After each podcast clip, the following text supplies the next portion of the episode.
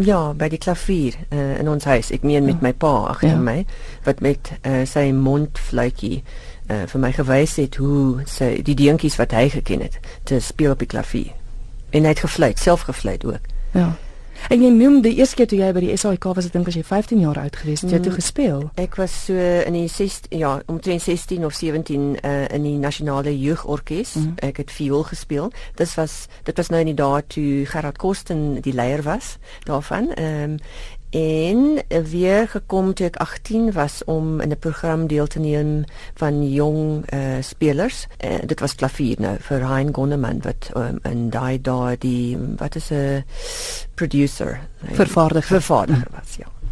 En hoe het jy te besluit om te begin komponeer? Wanneer het jy begin?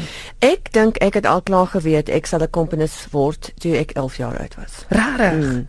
Ek het daar ek het 'n uh, idee gekry dat ek dit wou doen en ek wou ook dirigeer. Maar op daai stadium mm, was my onderwysers nie baie ehm um, het nie baie lekker uitgekom daaroor nie. Ehm uh, my klavieronderwyser het vir my gesê oefen net jou toonlere en jou arpeggios en so en en en Bach en Beethoven en Mozart. En toe later toe ek by die universiteit kom, het ek uh, gedink miskien hier is 'n opening. Ehm uh, maar toe sê my harmonie uh, dosent nee, kyk uh, vrouens dirigeer en hulle komponeer nie. So ek het daar daarna besluit eintlik, okay, As 'n mens dit nie kan doen nie, uh, as 'n vrou nie kan komponeer of dirigeer nie, dan besluit ek ek gaan komponeer en dirigeer. Maar hoekom mag vrouens nie? Want jy sien bitter min vroue dirigente. En jy's reg, mens kry bitter min vroue komponis baie oorsee, dit's baie oorsee. Maar hier by ons nie. Ja, want ek dink ons is in in die agterland van patriarchalism, jy weet. Hmm. Nee, maar so is dit maar die hoofrede. Ek dink so en ek dink daar's ander redes ook. Kyk, as 'n mens nou gaan komponeer of dirigeer, ehm um, dan moet jy geskik wees daarvoor en ek dink dit gaan oor ehm um, wat hulle noem die extreme male brain. 'n mens wat baie analiseer. Mm. Uh wat baie redeneer, wat baie logies is. Ehm um, miskien meer mans is so as vrouens, dink ek. Wat? En jy moet ook voor eh, 'n uh, orkes um, in daai dae ook meestal mans. Uh moet jy dan uh, jy, jy moet uh, what is um authority ja, ja autoriteit ja mm. voor hulle en as jy oor 40 is is dit nie maklik is dit nie is dit nie 'n probleem nie mm. maar voor 40 beskou mans jou as iets wat miskien 'n uh, vrou of uh, jy weet hulle kinders kan verskaf dit is so mm.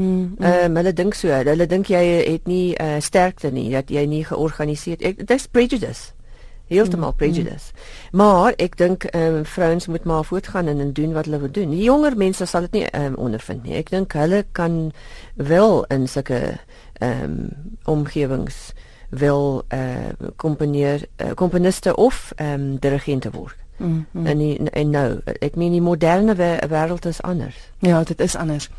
As jy komponeer, Loop jy vir lank met 'n werk in jou kop rond? Is dit iets wat skielik gebeur? Kry jy dit in jou drome, in die stort? Wat's jou proses? Partyke kry ek ehm um, stukkies in my drome. Ek het uh, na die Requiem for the Living wat ek nou uh, so 13 jaar gelede geskryf het. Ek was in 2006 klaar daarmee. Ehm um, daarna het ek eintlik 'n uh, droom gehad met wonderlike harmonie. Dit was net absoluut skitterend. Toe word ek wakker en ek dink, "Ag, oh, ek moet hierdie nou neerskryf." En toe later weet ek nie. Ehm um, toe het ek ehm um, besef dit is nou 'n prent van my hoe ek nou voel na uh ek hierdie werk geskryf het. Ek voel in harmonie met myself. Dit is hoekom nou ek daai harmonie ehm um, ge, ge, gehoor het in my droom. Mm, mm. Maar daar is ehm um, wel 'n stuk wat ek geskryf het in 'n ehm um, musiekblyspel vir kinders, uh, The Rainbow's Child, wat ek nou uh, voor Requiem for the Living geskryf het. En uh, die naam van daai komposisie is Living in Color. En ek het daai hele melodie in my droom uh, gehoor en wakker geword en neergeskryf. Ja, ongelooflik. Sommer so. Ehm um, ek weet nie hoe dit gebeur nie om die waarheid te sê. Maar ek dink dit gaan oor patrone in jou brein. Dit is met is mathematics. Mm -hmm. En dit is hoekom ek nou sê, miskien is vrouens wat meer soos ek sal nie sê ek is soos 'n man nie, maar ek dink as jou brein nou meer werk in daai patrone en logiese uitwerkings, sal jy miskien um, dit makliker vind om 'n komponis te word. Ek weet nie. Ek het I don't have any, you know, scientific proof of this.